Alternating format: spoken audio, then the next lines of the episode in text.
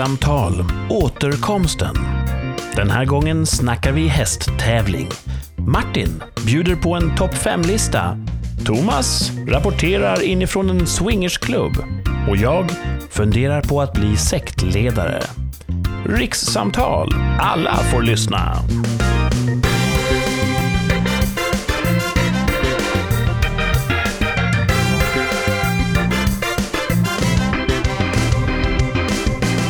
Efter mycket om och men så är eh, Rikssamtal tillbaka. Hej Thomas! Hallå, hallå.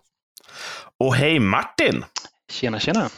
Vår gäst från förra veckan som har beslutat sig för att ära oss med ännu ett besök. Yeah. Jajamensan. Det här kanske kan bli en tradition, kanske ett stående inslag. Vi hoppas ju det. Vi får väl se. Ja. Vi, eh, vi har redan planer för hur vi kan bygga ut våran poster så att Martin får en permanent plats. Det, det är någonting att se fram emot för alla lyssnare. Och till alla lyssnare vill vi ju säga att eh, ni har inte väntat förgäves. Det tog ett tag att få ut det här avsnittet. Det har varit lite hästtävlingar som har kommit emellan och lite, lite jobb för Thomas. Ja, Eh, Martin har inte haft någon, någon ursäkt egentligen. Egentligen inte. Han hade kunnat kört avsnitten helt själv. Nej, men faktum är Martin var ju med på hästtävlingen. Ja, Så det, det får man se en, en ursäkt. just det. Det var det faktiskt. Så vad var det? Tre, fyra veckor sedan vi körde senast. Ja, det är nog det alltså. Det är Ja. ganska länge faktiskt. Och tack och lov, det här tjatar vi mycket om, men vi har ju inga lyssnare. Så att Vi det finns ju egentligen, det här är ju ett offerlöst brott. Eh, men för framtida lyssnare, det händer ju att man hittar en podd och så lyssnar man i kapp så att man går tillbaka och lyssnar på gamla avsnitt. Precis. Och eh, de kommer då säga, aha, det var en lucka här. Rafflande. Mhm. Men Det nu är vi tillbaka i alla fall och vi, vi ska försöka köra samma, samma höga nivå på underhållning som, som eh, i de övriga avs- avsnitten. Yeah. Eh, Martin har ju förberett en grej då. Det ska vi se lite senare vad, Ja. vad det kan vara. Ja. Ja, det är spännande. Mm. Ja, hur, har det här, hur har pausen varit för dig, Thomas? Oj, det är tråkigt med paus, men det har varit roligt och intensivt arbete. Så att, eh, jag är nöjd, men glad att vara tillbaka. Ja, det har varit en paus av en, av en kär anledning. Kan man säga. Precis. Precis. Ja. Eh, jobb i en ny landsände. Ja, precis. Ja.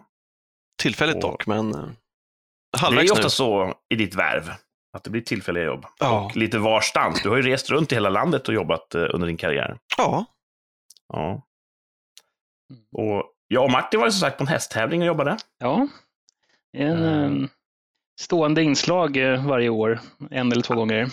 Ja, det är också en kär tradition. Det Mm. brukar vara rätt så, eh, ganska intressant. Ehm, som de flesta subkulturer så blir det en väldigt isolerad tilldragelse. Man kliver liksom in i ett mikrokosmos och är ganska isolerad från omvärlden. Absolut. Och så när man kommer ut igen så har man ingen aning om att Trump har fått corona. ja, men vi har hållit på med det ganska länge nu. Det är väl så här nionde året. Ja, men vi fick en sån, Facebook är duktig på att påminna om hur gammal man är. Ja, Ehm, så det kom upp en sån, kommer du ihåg när du var i Jönköping på hästtävling? Uff, var det så länge sedan? Du har ju hållit på längre ändå, va? Ja, marginellt några år till. Ja. Men eh, jag, tror, ja, jag skulle säga att du har nog varit med ändå eh, i princip hela tiden i mitt moderna hästtävlingsjobbande. Ja. Jag jobbar ju som speaker på hästtävlingar. Jag läser upp hästnamn. Eh, vilket är ungefär som att, att podda. och hästnamn är ganska, eller tävlingshästnamn är ganska specifika va? Det är inte, Ja. det är inte som hundnamn, utan det är ofta lite längre och med någon- Ja, det finns ju en, en systematik i hur man döper hästar. Ofta så blandar man in förfäders namn. Och, och många namn går ju igen och så vidare. Och eh, just då reininghästar som är det vi håller på med. Eh, där är det väldigt, ja, man- känner igen, man kan se på namnet vilken typ av sport hästen håller på med. Det finns som travhästar oftast heter något alldeles vansinnigt konstigt. I Fyrnönsar brunt så hette ju den fiktiva tävlingshästen Maybe Pirog. Ja, och det är ju ett klassiskt travnamn skulle jag säga. Ja. Eh, jag har aldrig läst upp pirog i något eh, led i något hästnamn. Nej, okej. Jag, jag kör ju inte trav, så det är ju... Nej, Kurt är, Kurt är vass som. Han är, ja. Det här är en familjeangelägenhet, an, angelägenhet den här hästtävlingen. Det är ju hela, familjen har i alla fall varit inblandad. Ja, precis. Det är, jag har hästgener. Ja, jag hänger med på ett bananskal in där. Nej, men Martin är ju numera ingift, höll jag på säga, men eh, Ja. via mig. Briljant. Men det är alltid, alltid roligt. Alltid, det är inte utan ansträngningar. Oftast tidiga morgnar, sena kvällar. Um, hästtävlingar väntar inte på någon. Så att man får ju jobba och slita, men det är kul. Ja, det är kul. Det är en ursäkt att hänga, som man brukar säga. Ja, men precis. Det gör man inte så ofta eftersom det här eh, berörde vi ju förra avsnittet att Martin bor ju i Storstockholmsområdet. Samma del av landet där Thomas normalt bor. Precis. Och jag är nere i södra Sverige. Ja. Mm. Och vi, vi, så vi försökt att få in Thomas i hästeriet också. Jag har varit där ett par gånger.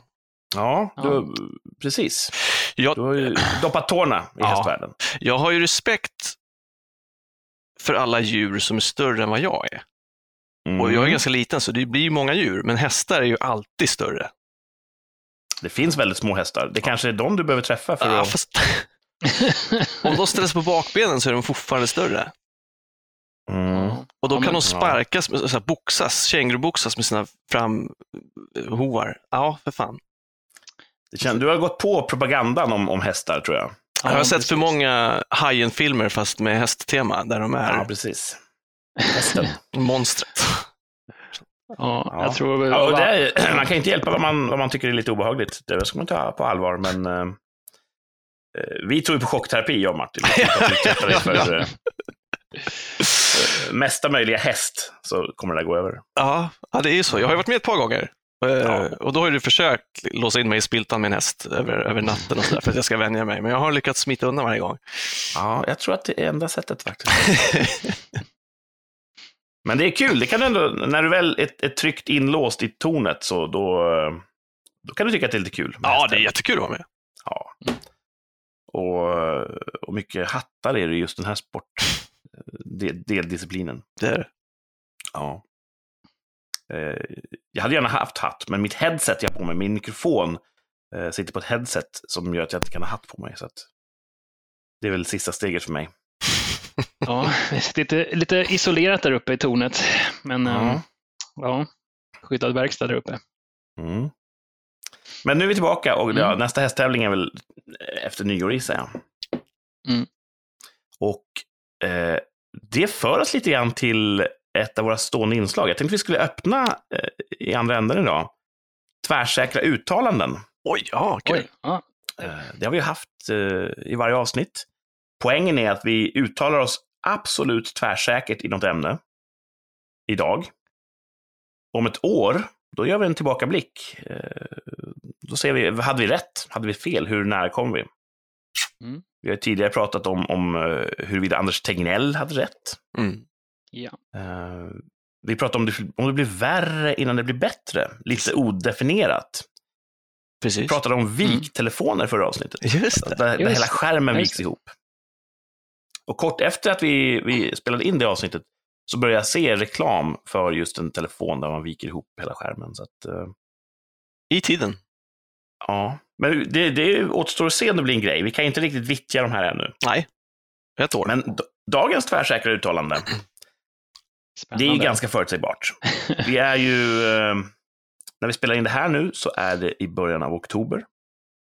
I nådens år 2020. Och frågan är då, eh, Trump fick precis corona. Mm. Eh, det är tre månader kvar på året. Så, kommer 2021 vara coronafritt? Det är det vi ska uttala oss om. Oj. Eh, och man får välja själv hur man, eh, när man svarar får man välja själv hur man definierar coronafritt. Måste så här, första januari vara helt utrotat? Det väljer man själv. Eller kan det vara så att när vi om ett år vittjar den här frågan, ja, men i stort så, så var ändå 2021 var fokuserat på någonting annat än corona. Då kan man välja att, att svara baserat på det. Så att, blir 2021 coronafritt? Och vi börjar med Martin, tycker jag. Uh, nej, det tror jag inte. Jag tror att vi... Ja, man behöver se det här vaccinet komma fram, så man kan vaccinera de här riskgrupperna. Så det kommer nog inte komma fram förrän i vår kanske, så snarare i mitten nästa år. Då kan man börja liksom se lite ljusare på framtiden när det gäller corona, att man nu kan lägga det bakom, man sätter upp lite vaccinationsprogram eh, ja, sen i slutet av nästa år kanske de som ska ha, ha fått vax, vaccin då. Men, Det där lät som ett sjukt genomtänkt svar. Det är så här Folkhälsomyndigheten nästa för Martin. Vi har inte sagt vad Martin jobbar med, tror jag. Han kanske jobbar på Folkhälsomyndigheten. ja, vi vet Nej, inte. Eller ja, vi vet Nej. ju. Men... Nu har jag hintat att han inte gör det. Ja, men det var, då får vi se då, oktober nästa år. Eh, då tror du att nej, vi kommer inte känna att 2021 blev så där coronafritt som vi hoppades. Nej, eh, nej precis. Jag tror det Mm. finns, ja, ja jag, lämnar det där. Och Thomas då, håller du med? Att det, det, det finns ju, nu när Trumpen har fått det, så skulle ju hela USAs statsbudget kunna läggas på att hitta ett botemedel som accelererar framtaget av vaccin och sådär. Mm, men jag tror att 2021 kommer handla om andra saker än corona. Eh, men jag tror fortfarande att det kommer finnas restriktioner året ut. Ah, det, det, det, det är en chansning. Eh, så eh, man får inte stå med en fot i varje läger här, utan eh, du kommer ändå säga att coronafritt 2021, är det så man kommer se på det om ett år? Nej, nej, tvärtom. Alltså, Ah, du- ah, du säger nej, det ja, det kommer finnas restriktioner året ut, 2021. Ah. Året 2021 kommer Mm. det fortfarande finnas restriktioner. Eh, men jag tror att debatten, eller den stora, den stora grejen, kommer vara, handla om någonting annat. Mhm. Så tror jag. Två nej. Ja, Ma- men Martin trodde väl coronafritt från mitten av året, var det inte så? Ja, nej, inte riktigt. Utan det Ja, men frågan, frågan är ju, Ja. och det här, det är, vi måste ju vara strikta i Ja. den här. Ja, mitten av året kan man säga då, att man eh, kan börja se ljuset i tunneln då. Så här, ja, de som har riskgrupperna kanske har fått vaccin då i mitten på nästa år. Så man kan börja träffa eh, mormor och morfar och så där och så vidare. Ordentligt Kom- som vanligt. Kommer känslan om ett år vara 2021 blev coronafritt? Och där tolkar jag bägge två som nej, Nej, det kommer jag inte Ja. kunna säga. precis. Eh, Stämmer det Thomas? Ja. ja. Eh, och då är jag kvar. Jag tänker... Nu, nu ska inte jag påstå att det finns en konspiration och att, att de här de som styr i kulisserna, maktens män, att de har skapat corona och nu när Trump har fått det så måste de ta fram botemedel snabbt och så vidare. Det, det är ju inte det jag säger. Ehm, för det hade ju varit galet. Men, ja, men för, okay, varför du ska få göra klart, men sen har jag en fråga på det. Ja. ja, oj då. Ehm, jag tänker ändå att tre månader är en lång tid. För tre månader sedan så, vad, vad var vi då, mitt i sommaren någonstans, då var det ändå rätt lugnt och nu är det på väg upp igen. Alltså det kan förändras ganska mycket på tre månader. Jag utesluter inte att över en natt så kan någon komma fram med, att ah, det här är ett vaccin och sen börjar det rullas ut och så vidare. Eh, och det här kanske visar hur lite jag vet om vaccinframställning, men jag tänker att även om, för all del, några månader in på 2021 så kommer det finnas folk som, som har och till och med avlider i corona. Men jag tror att om ett år, det kommer kväsas så pass starkt efter nyår Mhm att man kommer säga nej, nej, 2021, det var ju jordbävningarnas år. Eller vad det nu som Vad som blir. Ja, så jag säger eh, eh, nödvändigtvis inte optimistiskt. Det kan vara annat skit som händer istället. Men jag Just säger, ah, jag tror att 2021 blir då coronafritt. Och nu gör jag den här synden, jag gör ju såna air quotes Mhm. i, i radio. Det syns ju inte. Eh, coronafritt 2021, ja. Så två nej, ett ja. Tror du att det här vaccinet som kommer fram då lite hastigt, att det kommer vara felfritt eller tror du att det kommer vara lite narkolepsi-bieffekter motsvarande på det? Eh, Som alla vaccin så kommer det vara helt verkningslöst och orsaka autism. Såklart. Och där tappar vi vår enda lyssnare som råkade vara en antivaxer.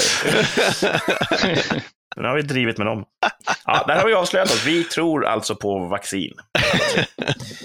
Men, men också det du står där om eh, eh, de, som styr kulisserna eventuellt. Jaha. Du, du har inte slagits av tanken att det kan vara en medveten attack att se till att Trumpen får det och att det därför inte kommer, alltså att det är inte de som kommer påskynda framtagandet av vaccinet. Ja, du menar att de som styr vill bli av med Trump? Ja, Han, eh, ja de som coronastyr i alla fall. han var för ren och ädel och, och för mycket en folkets förkämpe, så att de var tvungna att... Det beror ju på vilka fiender man har. Ja, det är sant. Ja, jag tänkte faktiskt tanken också att det är någon som kanske medvetet smittat honom bara för att ställa till det här i kampanjen. Mm.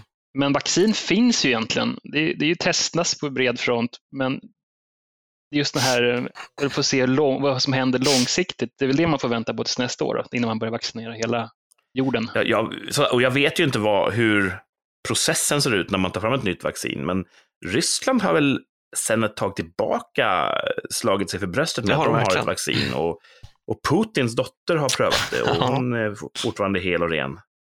Så, Ja. Men eh, hur mycket av det som är propaganda och hur mycket som är sant, det vet jag inte.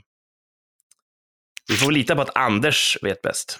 Ja, man får se vad som händer. här. Tänk om, om Trump tar, han tog någon cocktail här Ja, med D-vitamin och allt annat boostande och vet inte vad han fick för grejer. Om han kommer ut på andra sidan nu och säger det här är lugnt, liksom. vi kan börja köra hela USA. Och så Ah. blir det en som zombie-apokalypsen. Eller man vet så kan vad det också händer. bli. Ja, visst, precis. Kanske blir zombie-året nästa år. Man vet 2021, inte ja. ja. Jag har ju inte som följt slaviskt allt som Trump säger, eh, men jag såg någon, eh, någon tillbakablick när han uttalade sig om, om coronaviruset, där han sa att folk har lyckats ta bort det här med, med ett starkt rengöringsmedel och, och sen börjar han bara så här eh, filosofera att det kanske kan funka att injicera det, vad vet jag, Ja, ja. i direktsändning. Och man tänker, vad håller han på med? Det här är ju uppenbarligen bara, han sitter bara och, och spinner fritt. ja. Och tydligen var det jättemånga som lyssnade på någon som började göra det. Och Folk avled för att de injicerade rengöringsmedel och Oh, Jesus. Så... um, Vi sitter ju också och gissar, men vi är ju inte regenter. nej, och vi har en podd med tre lyssnare, varav två är, är någon vi känner. Um, så jag tänker att det är inte riktigt samma scen vi står här och Nej, precis. på. Med våra Men det kanske, är, det, kanske, det kanske är så. Tycka vad man vill om, om Trump. Eh, vi får väl akta oss för att ta ställning för eller emot. Ursäkta. Eh, men han kanske, kan, han kanske, när han säger gör galen skit, så gör folk galen skit. För att även om man är eh, helt galen i huvudet, Mm. så har han ändå de här kvaliteterna som gör att han kan få folk att göra vad han vill. Mm. Och där kan jag känna igen mig lite grann. Vi Du, ju pratat om det här, du och jag Thomas, att jag tror att jag skulle bli en utmärkt sektledare. ja, sektledaregenskaper. Ja, och det tror jag, det är någonting man inte pratar om så mycket. Man pratar ofta om att ah, men det är en go-getter och, och han är organisatorisk och du vet. Men man pratar aldrig om de här människorna som är naturligt födda sektledare. Nej, Och det funderar jag på om jag kanske är. det tror jag. Hur skulle din, din sekt se ut då, Kurt? Har du tänkt på det här tidigare? Eller? Nej, det var ju först här, häromdagen jag började tänka om banan att jag kanske har en fallenhet. Jag, jag kan få folk att göra saker, har jag märkt. Mm. I mitt, I mitt jobb så, till vardags så ingår det till stor del att få folk att göra som jag vill. Eftersom jag är regissör. Ja, ja, och precis. det är bara min vision som är rätt. Ja. De får göra som jag vill eller inte göra alls. Ehm, Och det är inte svårt att få dem att göra det. det, är liksom, det är det du menar? Att, nej, precis, det, det går ganska lätt för mig Mm. att, få, att manipulera folk och få dem att göra som jag vill. Fast- Och nu är jag i grunden godhjärtad. Tur det. Så eh, jag gör ju oftast bara bra saker med människor. det behöver inte vara, vara manipulation för att folk gör som de vill. Det kan ju vara inspiration också. Alltså, Ja, ja. Det, behöver, Ja, det behöver inte vara... Manipulation låter så ont. ja, det låter ju lite osympatiskt nästan att vara Ja. en manipulativ person. Och, ja, och, och att få folk att göra saker som de egentligen inte vill. Men att man får dem att vilja det är väl det som är skillnaden. Ja. Ja, precis. Det låter som ett, ett bra försvarstal i en rättegångssal. Du, får, du får människor att uppnå deras sanna potential. Precis, precis. Man ska sälja in Kurt. Som är din Jag vision, kanske är ja, en, jag kanske är en, en stark inspiratör. tror jag. Och det är ju det man ska vara om man ska ha en sekt. Precis. Så jag funderar på vad, vad skulle jag ha för Mm. sekt? Vad skulle du vilja ha för Ehm, sekt? Precis. Och då, jag antar att om man blir sektledare, i grund och botten så är det ju ett, ett, eh, sitt eget syfte man tjänar. Man vill ju på så sätt få ut någonting själv av det mest av alla. Mm. Eh, så att pengar hade varit bra. Det vill man man, ha. man har en sekt där man säger att pengar ska ni inte ha. Ge dem till mig, så förvarar jag dem säkert. Mm. Pyramid, pyramidspel kan du göra så att det blir sälja Tupperware eller något sånt där. Ja, men precis. Att eh, hamna på toppen i alla fall och, och bara hova in. Mm. Det låter ju småaktigt nu när man, man säger det. Det var en så fin version i huvudet, men nu låter det bara... Ja, man borde kanske ha, man borde kanske hölja det i någon skrud av, av något, något högre syfte. Att, Men- eh, Det är väl få sekter där det visar sig att det fanns en good cause bakom. Är det inte alltid? Kan vi komma på någon där det har varit faktiskt alltså ett ädelt mål och inte bara sektledarvurm? nej, men ta den här, de här som ville hoppa på det här rymdskeppet bakom här kometen. Halebop-kometen. Ja. För unga lyssnare då, så det var rätt länge sedan nu, så kom det ju en komet. Kometer är ju ofta cykliskt återkommande på himlen. De åker runt, runt i rymden och passerar oss då och då. Och den här Ha- Hale-Bopp hade varit här någon gång förut och den kom tillbaka igen i modern tid. Och då var det en sekt som sa, i svansen på den här Hale-Bopp-kometen så finns ett rymdskepp. Och vi ska åka med det rymdskeppet. Mm. För det kommer ta oss till någon sorts eh, nirvana-esk slutdestination. precis.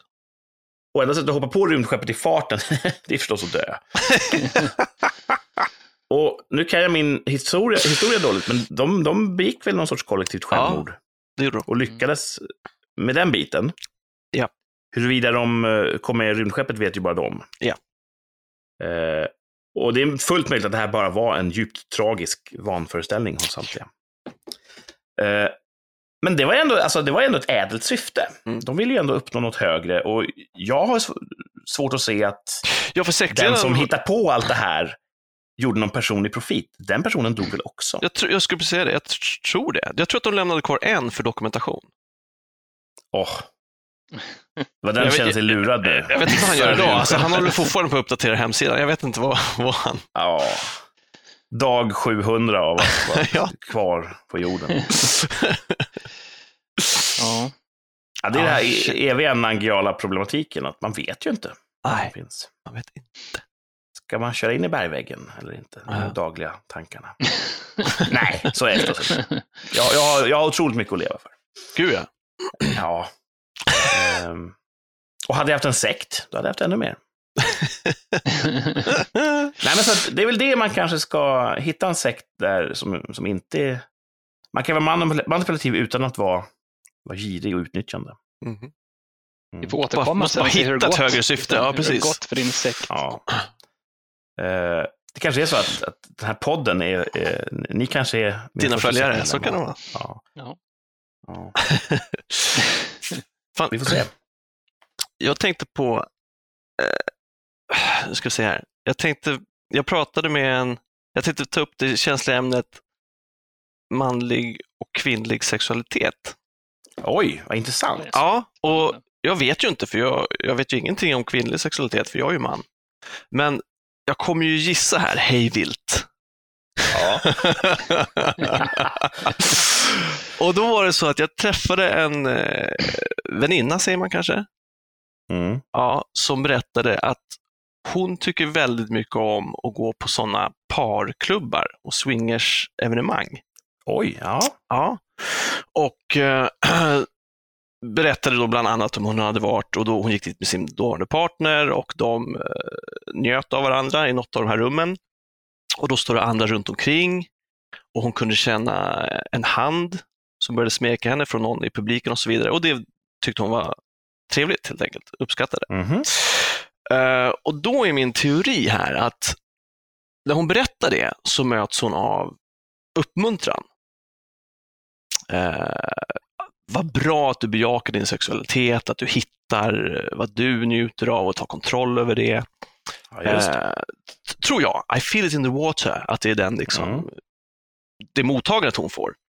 Mm. Och jag tror att män som utforskar sin sexualitet på samma sätt Nu går du på tunn is, det hör jag på din röst. Ja, ja precis. Jag vet ju inte. Jag, jag, jag gissar att de snarare skulle mötas av, det där var inte, alltså att de är, att de inte skulle mötas av samma bra, you go, hitta vad du tycker är kul. Liksom. Och jag tror till och med att de män som var där när hon hade sin positiva upplevelse, om de skulle berätta samma sak, jag var på en barklubb, det var en tjej som njöt med sin kille och vi andra stod runt omkring och vi smekte henne och så vidare. Jag tror att de skulle berätta samma historia och du skulle mötas av förakt kanske, men någonting att liksom, åh gud, Ja, åh, blev hon inte utnyttjad egentligen? Liksom. Så att båda, Precis, där tog du för dig, din snuskgubbe. ja precis. Så jag tror att samma berättelse av samma erfarenhet där alla var nöjda skulle tolkas olika beroende på om det är en man eller kvinna som berättar det. Och konsekvensen av det här tror jag blir att när det kommer ett socialt tryck, att det där är fel och fult att vara en man på en parklubb som tillsammans med andra män hjälper en kvinna att njuta, vilket man kan tycka händer, samtidigt som de också får ut någonting av det förstås. Det låter som science fiction, men fortsätt. jag tror att då blir ju det ett socialt stigma för män att vara på sådana ställen. Och då är det bara en viss typ av män som skiter i sociala stig- stigman och regler som vågar gå dit. Och det gör det svårare för de kvinnor som vill vara där att träffa den typen av man som inte är en förövarkaraktär, eller vad man ska kalla det. Liksom. Att det blir en viss typ av män som vågar gå över den tröskeln och ta det steget. Och då blir det svårare för de kvinnor vi applåderar att utforska sin sexualitet för att träffa vettiga män i de här miljöerna. Så jag tror att det, det gör det svårare för kvinnans sexuella frigörelse att skambelägga männens sexuella frigörelse. Hmm. Det är en Ja, det, Teori. Det, en, det tror jag att du eh, har säkert alldeles rätt i. Jag vill ju gärna tro det, men som sagt, det här är ju gissningar. Jag har ju spenderat mer tid på hästtävlingar än på swingersklubbar för att ha riktigt insikten om det här. Men det låter ju som att det du beskriver kan vara, vara sant. Och eh, det finns ju en allmän sa- samhällelig syn på den manliga respektive kvinnliga sexualiteten. Den skiljer sig åt. Ja, Eh, Men pratar du med Jag din kollega om det här? Eh, väninna? ja, pre- väninna? precis, väninnan. Ja, Ja. kanske inte kollega. Nej, inte det här. Ja. De, de här tankarna fick jag ju efteråt, för Okej. jag har tänkt mycket på det här helt enkelt. Kan man... Ja, det, det låter ju som att du har ett väl utvecklat resonemang kring det. Efter hennes bra. historia. Liksom. Och det, hon är inte den första heller som jag, som jag pratar med som har trivts i de här miljöerna. Vad umgås du med för människor? ja, Nej, men men- det är ju faktiskt ganska intressant. Jag har nog, när jag tänker efter, eh, bekanta som eh, under uppsluppna former, kvinnor alltså, som har varit med på så kallade plastpartyn. ja, just det. Där man då, och det finns två sorts plastpartyn, Mm. ganska snarlika. Man träffas i en, hemma hos någon, alla kvinnor. I ena fallet så kommer en annan kvinna dit och visar olika förvaringsburkar, matlådor och sånt där. Precis. Eh, och så köper man det man vill ha. I det andra fallet så är det då stimulanshjälpmedel Mm. för sexuell njutning som visas. Dildos. Eh, Jag har blivit medbjuden på två sådana tillställningar. Oj! Ja, Bakom fiendens linjer. exakt. Det var väldigt, väldigt intressant. Och jag blev oerhört smickrad när jag blev medbjuden. Och du gick också bägge två. Naturligtvis.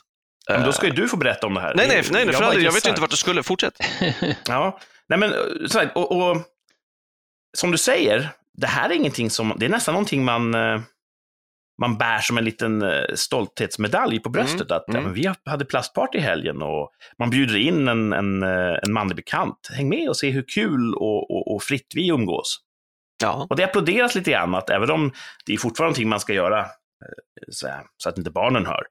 Ehm, Men det är ändå på något sätt att det är ac- ac- accepterat av samhället att det är klart att ni ska utveckla och, och bejaka det här, de här sidorna. ja.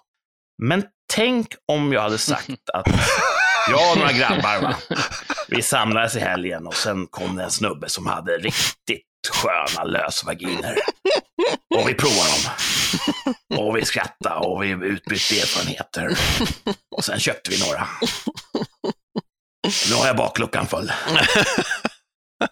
Jag tror inte arbetsplatsen hade mött det med samma positiva, öppna attityd. Nej. Det beror på. Kanske, det kanske är någonting som... Eh, ja, kanske finns andra män i andra sammanhang som har sådana get-togethers. det, just det, det. det finns säkert.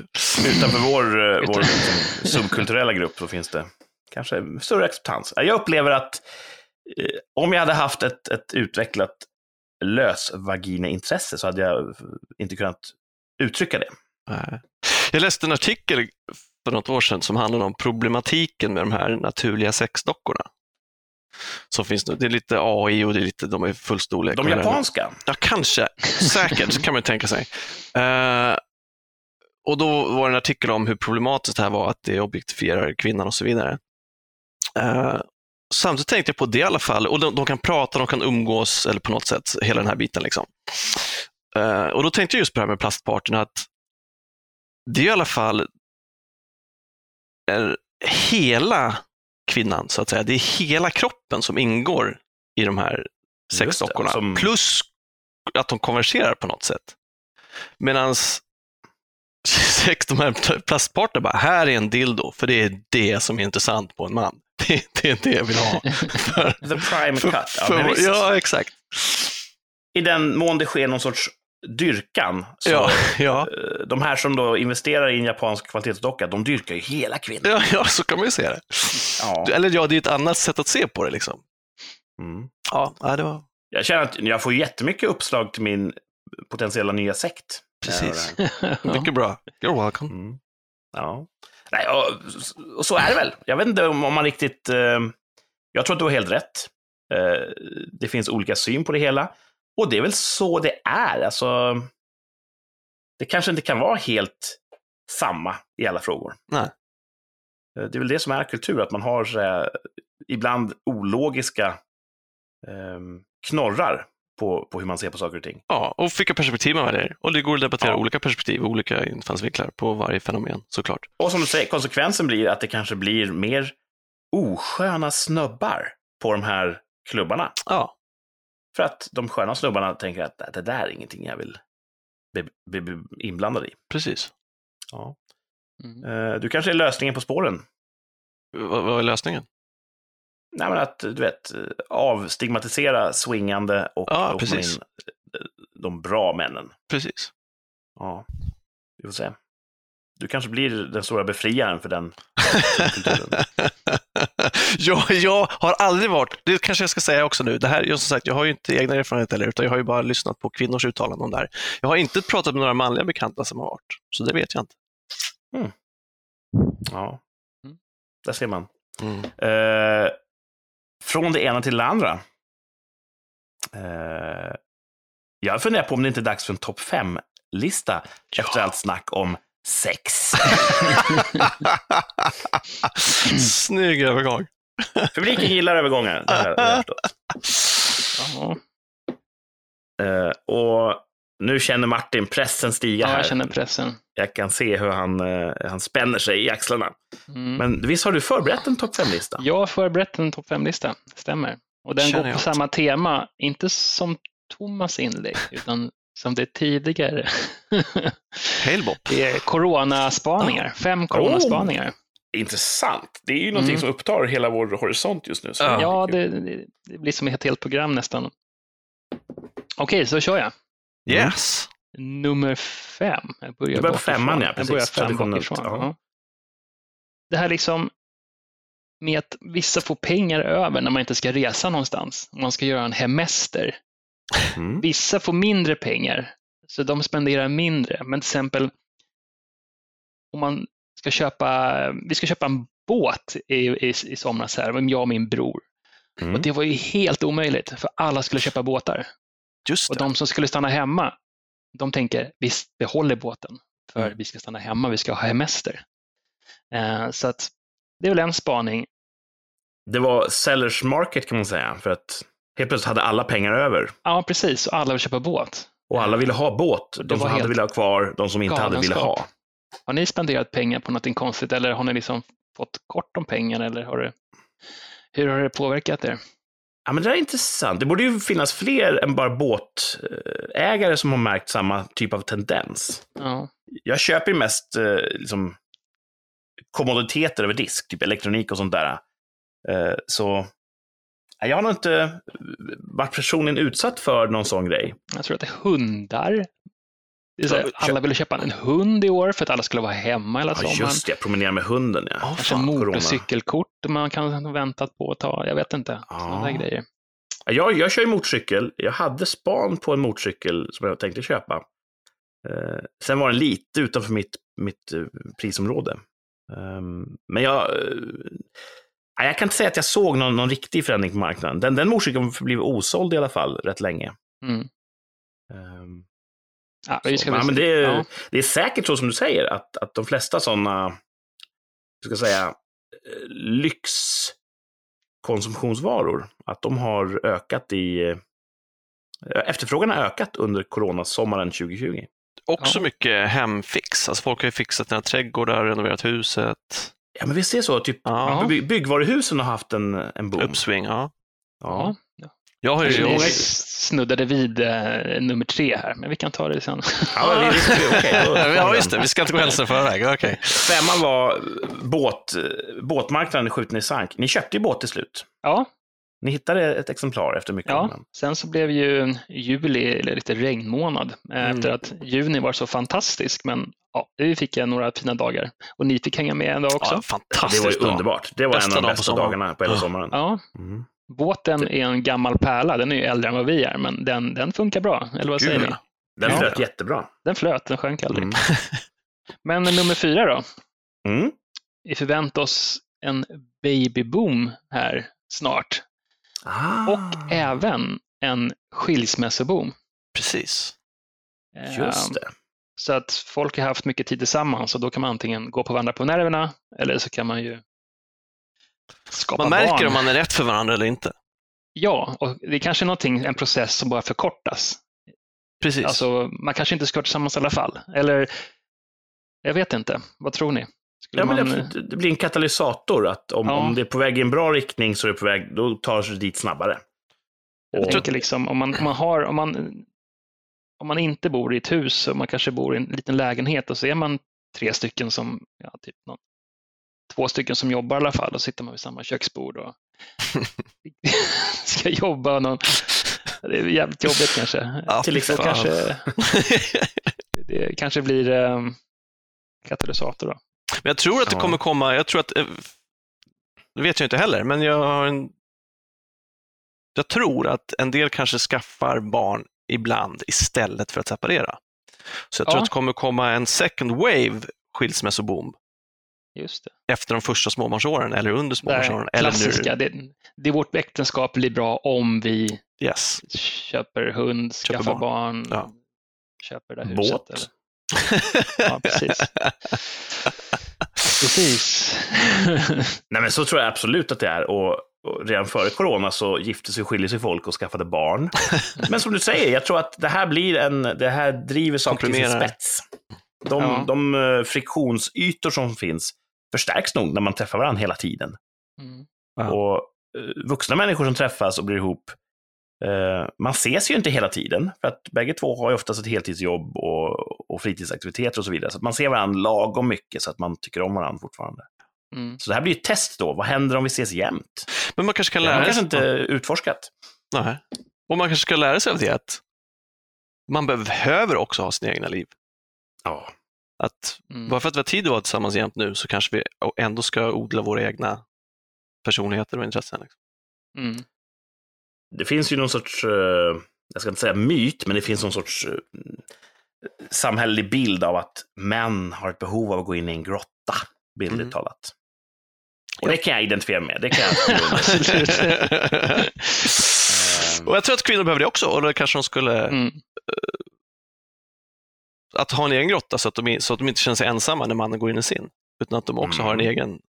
Ja, det är viktigt att ha eh, lite olika ställen man kan hitta energi på. Ja, Precis. Och det är inget personligt när man går in i grottan. Det handlar ju inte så mycket om att man stänger ute någonting som att man stänger in sig själv. Mm. precis. Det vill jag säga till Man behöver vara instängd ibland. Ja. Ja. Hade inte Skåne haft så svag berggrund hade jag huggit en grotta. Ja, du har ju alltid pratat om eh, ett hus i skogen med vallgrav. Ja, det är en omöjlig dröm. Jag tror inte att jag tycker om folk eh, rent principiellt. Nej, nej. Inte, att sitta hemma, det har inte stört mig så mycket som det kanske borde göra. det är bra att man trivs hemma.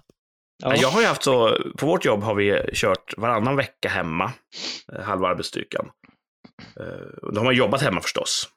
Mm. Men sen är det så i mitt jobbs natur, jag kan inte göra alla arbetsuppgifter hemifrån, så att då har jag liksom flutit runt lite grann. Och jag, det här trodde man ju inte när man var liten, men jag, jag har nästan föredragit att gå in till jobbet. Att, Oh, sig. Då trivs på jag, har jobbet, inte det är också bra. jag har inte riktigt njutit av den här möjligheten att jobba hemifrån. Nej.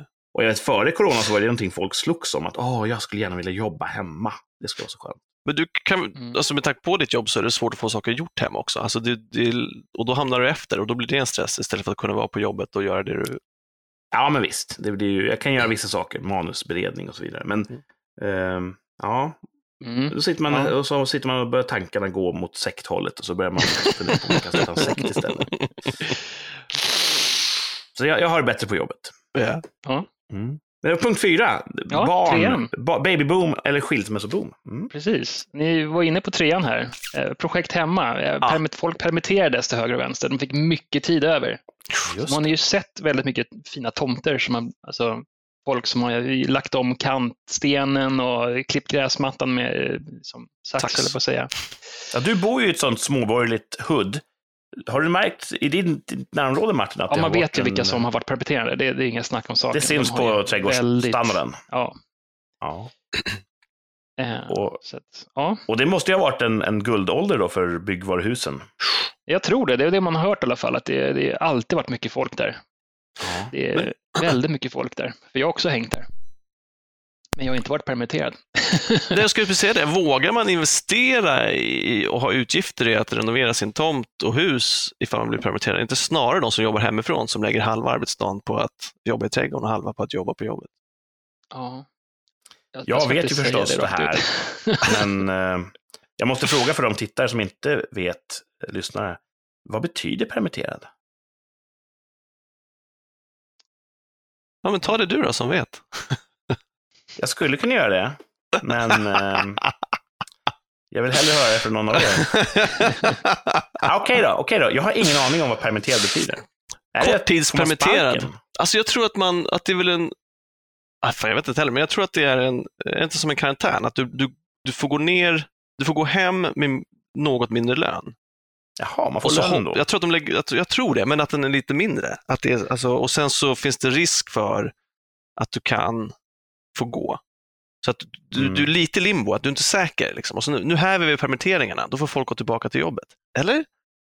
Ja, man kan väl permitteras i olika grad. Ja, Ehm, Och ja, korttidspermitterad, långtidspermitterad. mer eller jag- mindre pengar. Men det är kvar. ett steg, alltså det finns ingen garanti att man får komma tillbaka sen. Alltså det är väl ändå ett steg ut i lite okänt territorium. Så kan det vara. Det beror ju på hur företaget eh, klarar sig Ja. i krisen. För jag hörde ju om uh, flygvärdinnor som förstås då inte kunde flyga, för ingen ville flyga. Eh, då blev de permitterade Mm, och då omutbildade de sig till sjukvårdspersonal. mm, Mm. Ja, det hörde jag också. Det tyckte jag var ädelt gjort. Ja, jag antar att det var ädelt gjort. ja. Eh, och då undrar jag då, vad är en permittering? Fick de lön från flygbolaget samtidigt som de gjorde det här, eller hur funkar det? Det här behöver vi inte sitta och, och upptäcka i realtid. Vi får väl googla efter avsnittet helt enkelt. Ja. Mm.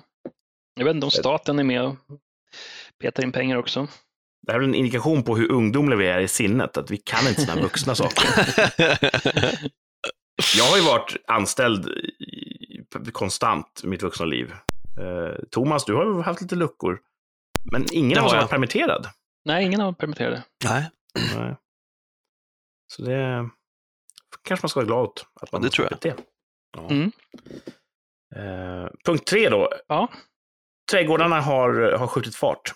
Precis. De spirar. Mm. Ni har ju, ni, Ja. eh, eh, nu ska jag hänga mig kvar här. Ni har ju inte legat på latsidan, Martin, med er trädgård under Nej, sommaren. nej, hela det här året har varit liksom, ja, radat upp projekt och checkat av. Ja. Tror du Jag att ju- era grannar tror att någon av er är permitterad? Mm, ja. nej, nu står allting, det står bara och blir blött och mitt halvklara altanbygge och så är, bygger jag på Ni, helgerna. ni signalerar med det här, vi har tagit oss vatten över huvudet. Ja, mer, Ja. mer kris. Sådär. Så är det. Ja, men nu, Mm. jag ska ut efter det här och snickrar lite faktiskt. Mitt dåliga samvete. Förstås. Men, lite- mm. Ja. Ja, men tvåan då? ja, punkt två. Ja, nyhetsflödet. Under, under, Corona-nyhetsflödet. ja, nej, det, bara nyhetsflödet. Det varit Aha. väldigt ensidigt. Det har Just. väldigt varit handlat bara om corona, i alla fall första Mm. halvåret. Precis. Eh, man, liksom, regeringen steg i popularitet, för det Mm. fanns inga nyheter som kunde liksom få dem i dålig dager. Ehm, det kändes säkert igen i Sverige. Allting kändes som allting minskade, brottslighet och sådär. Men det är fortsatt med samma styrka. Ehm, Precis, för det rap- rapporterades bara inte. Nej, precis. Nej. Och sen Ja, det- kom det skatt på påsar och då fanns det inga, försvann de här sopöarna i, i eh, Indiska oceanen. Ja, det måste de ha gjort. Jag tror att det bara var vi som skapade dem. det. Ja, så det var det. Det kändes väldigt ensidigt där ett tag, men nu börjar det komma tillbaka till det mer normala. Det är som att det bara finns en, en trend i taget i rapportering. Att nu rapporterar de det här ett tag och sen så, vad är nästa grej vi ska rapportera om? Och så rapporterar de det ett tag. De har svårt att eh, sprida rapporteringen känns det som. Ja. Och det visar ju också vilken makt media har. Att vi vet ju bara det de berättar för oss. Jo, Och, ja, precis. Man, man, kan, man kan ju ha sina misstankar att det fortsätter. men det verkar som så att folket tyckte att men regeringen gör ett stand-up jobb här ändå. Men nu har de ju sjunkit igen. Men det kanske beror på Mm. andra saker, jag vet inte. Det kanske var att de tyckte att de klarade coronakrisen bra. Mm. Eller jag vet inte. Det finns ju någon gammal sån politisk eh, uppfattning om att, att sittande styre, de vinner alltid på en kris. mm. Mm. Och eh, det finns ju eh, lite så här elaka tungor som pratar om att amerikanska presidenter under sin i slutet av sin presidentperiod så vill de alltid starta ett krig. Mm. Så att det stärker deras siffror. Mm. Eh, Wag the dog. Och, Mm. och det såg man i Sverige också. Nu ska inte jag eh, nödvändigtvis ta, ta en politisk ställning för eller mot någonting, men man såg ju att sittande styre i Sverige fick ju ett enormt boost i Mm. opinionen. Mm. Och utan att egentligen ha gjort någonting annat än att bara suttit vid rodret när corona kom. Mm. Mm. Men den korta boosten har gått över, nu är de på väg ner igen. Jo. Ja. Mm. Ja. Så, Gött. Ja. Ja, nu är vi framme i nummer ett då med lite kanske. corona ibland. Ja. Vad sa du? Ettan, den viktigaste. Ettan. Ja, du har ju, de, Ja. dina är rangordnade. Ja, ja det här är det jätteviktigt. har jag aldrig... All, alla har fått sin handspritsfavorit. Oj! Man har provat alla och kommit fram till Ja, vilken som är bäst. jag tycker de flesta är bra, förutom till exempel väteperoxid. Den lämnar en illaluktande... Annars kan jag köra ytdesinfektion över hela kroppen. Men man vill gärna ha att det ska liksom lukta så starkt så man nästan ryggar tillbaks. Att det ska känns lukta som alkohol. Det luktar som att något, nu dör någonting. Då känner du att det gör nytta. Ah, ja, ja, just det. Det luk luktar Ja. sterilt. Liksom. Ja, precis. Det Du lukta tycker inte om de här parfymerade då, kan jag tänka mig? Nej, jag har inte stött på dem. Ehm, kanske inte. Ja, nej. Jag, jag har märkt att många, framförallt kvinnor, bär runt en liten, liten, liten flaska med handsprit i handväskan. Och så tar de fram den och, och, och, och jag har haft kollegor som också har tillverkat sin egen handsprit. Okej. Det är nästan som så här, som, som, som krigstid när folk tillverkar sin egen sprit. Ja, Mm. Ehm, men något man behöver i Men jag personligen, det här är ju... ehm, jag vill inte säga att jag gör fel, för jag tvättar händerna med tvål. Och det är ju, vad gäller virus, fullt tillräckligt. Men jag spritar händerna rätt sällan. Mm. Mm. Jag tror jag kan räkna antal tillfällen jag har spritat mina händer på mina två ospritade händers fingrar. Någon gång har man gjort så här, ja men här är en automat. Pip, pip, pip. Ja, kul. Men, Kul, ja. så. Jag, jag har aldrig riktigt ha- hakat på det där. Och, och Nej. det säger jag inte varken rätt eller fel. Men ja, jag får ta ditt ord på att, att, att det har blivit någon sorts... eh, att det har gått trender i det här med handsprit. Ja. Nej, men jag Jag har ju observerat att jättemånga gör det. Så att, eh, man, man vet ju liksom nu vad som finns. För det, det finns ju handsprit överallt. ja. Varenda bord står en flaska. Och det måste ju vara en bransch som nu har fått luft under vingarna, som har kunnat investera i nya maskiner, anställa ny personal. Nu rullar hjulen och de ser ju hur slutet närmar sig. Mm. Så Just fort det. corona är över, då är det game over för handspritsindustrin. Luktar vi på i samma, samma anda. det måste vara ödesmättat. Ja. Ja. Jag, Ja. ja. det var den listan, men jag kom på en liten sån här eh, markör, så här, hur mycket, mycket man bryr sig om eh, sina, som, eh, alla folk i närheten.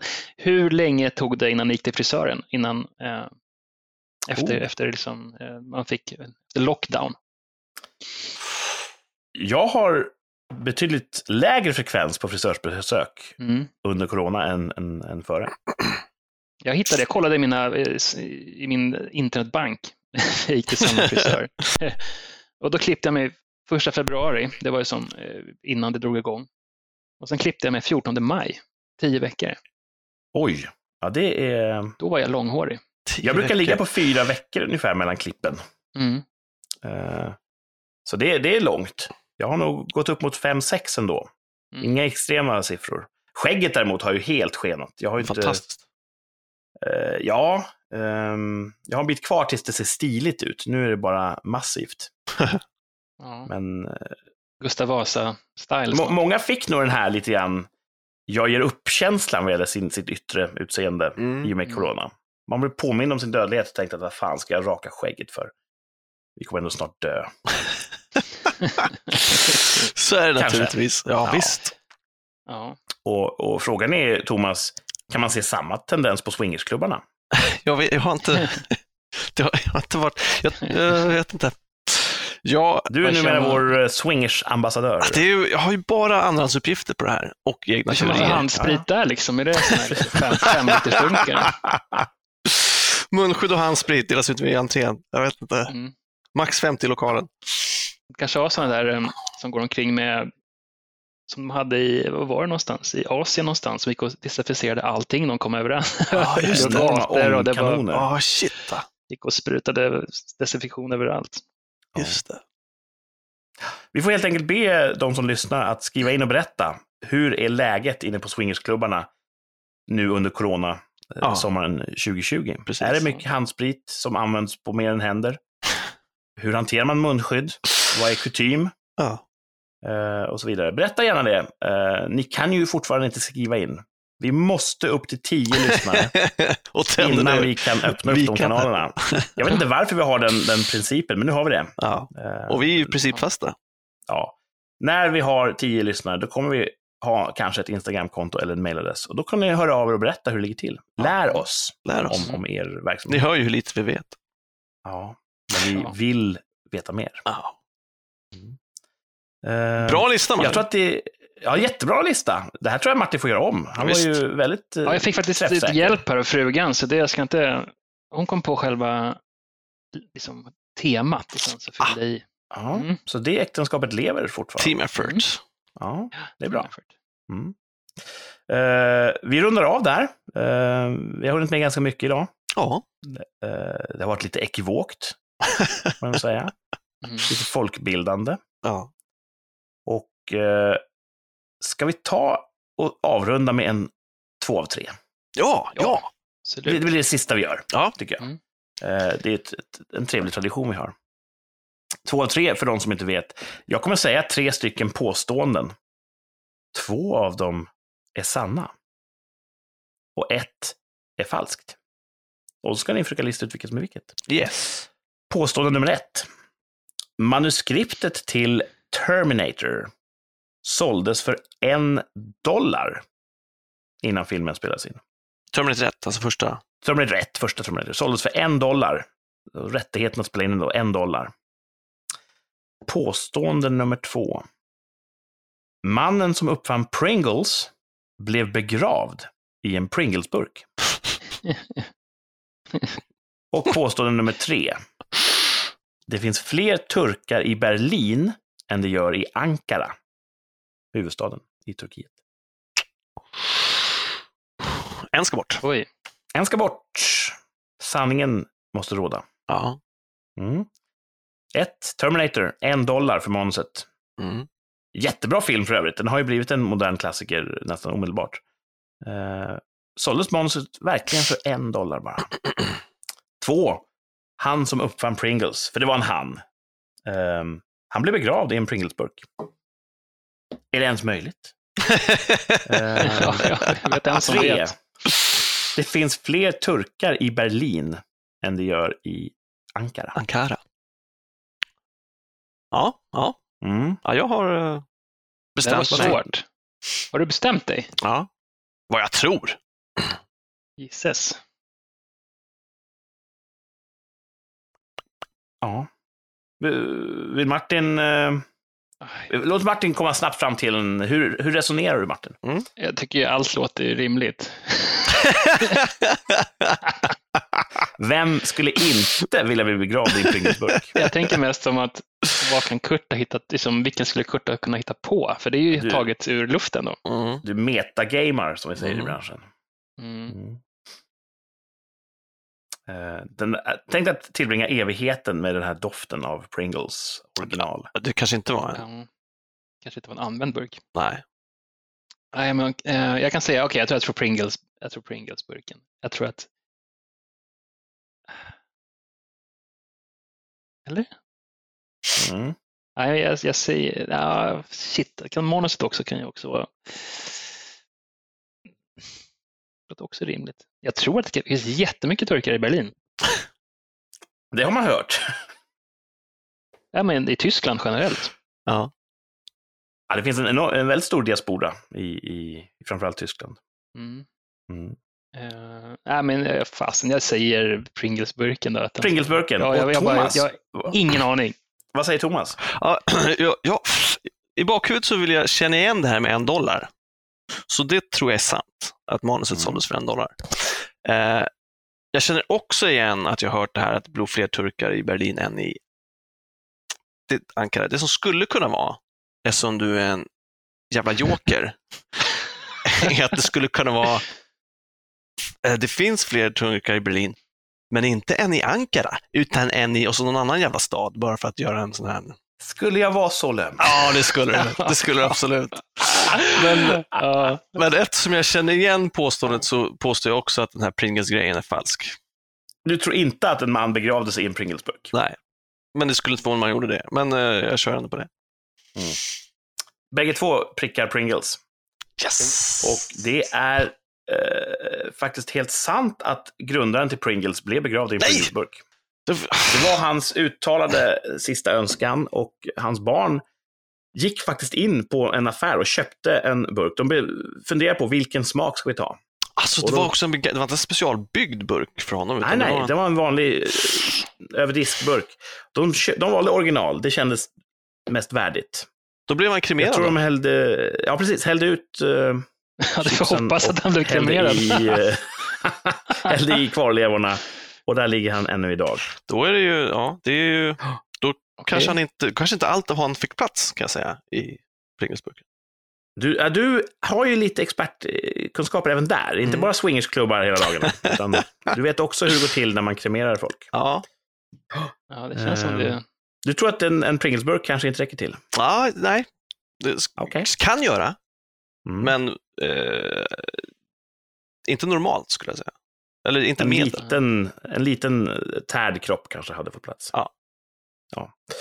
Eh, det finns jättemånga turkar i Berlin, Ja. Men, men inte fler än i Ankara. Mhm, mhm. Eh, så det som faktiskt är eh, falskt, det är turkarna i Berlin. Det finns, eh, det finns inte fler turkar i Berlin än i Ankara. Manuset till Terminator såldes faktiskt för en dollar. Eh, men James Cameron som skrev manuset gick med på det under eh, löftet att han skulle få regissera. Så det var en sån deal han gjorde. Så han fick efterhand så-. Ja, han också. ångrade lite grann ändå, för när han såg vilken succé det blev. För han gick ju miste om rätt mycket pengar i efterhand. Han har kommit ikapp Men, eh, väl? ja. Han har, gjort, var- han har gjort fler saker, eller hur? Efter det. Ja, han fick en fin karriär. Så Ja. det kanske var det bästa som kunde hända ändå, trots allt. Bra, Ja. ja. ja, bra lista. Två tre. Ja, det var spontant sammanslängd här. känner Jag Jag ska anstränga mig mer Ja, nästa. men det gick ju bra. Alltså, du tycker ju Ja, det är roligt det- när vi har fel och vi hade ju båda fel. Ja. Här, så att... Sektledaren i mig jublar. Mm. Men då så, då får vi se om det blir ett nytt avsnitt nästa vecka kanske. yes. ja, vi hoppas på det. Och jag Ja. kommer ju förstås hålla ett öga på statistiken. Se om våra, vårt lyssnarantal Ja. växer eller kanske sjunker efter dagens Ja. avsnitt. Grymt. Men då säger vi eh, tack för idag. Tack för idag, hörni. Tackar. Och ha en bra vecka. Bra Samma. helg också. Ja. Yeah. Toodaloo! Ta-ta!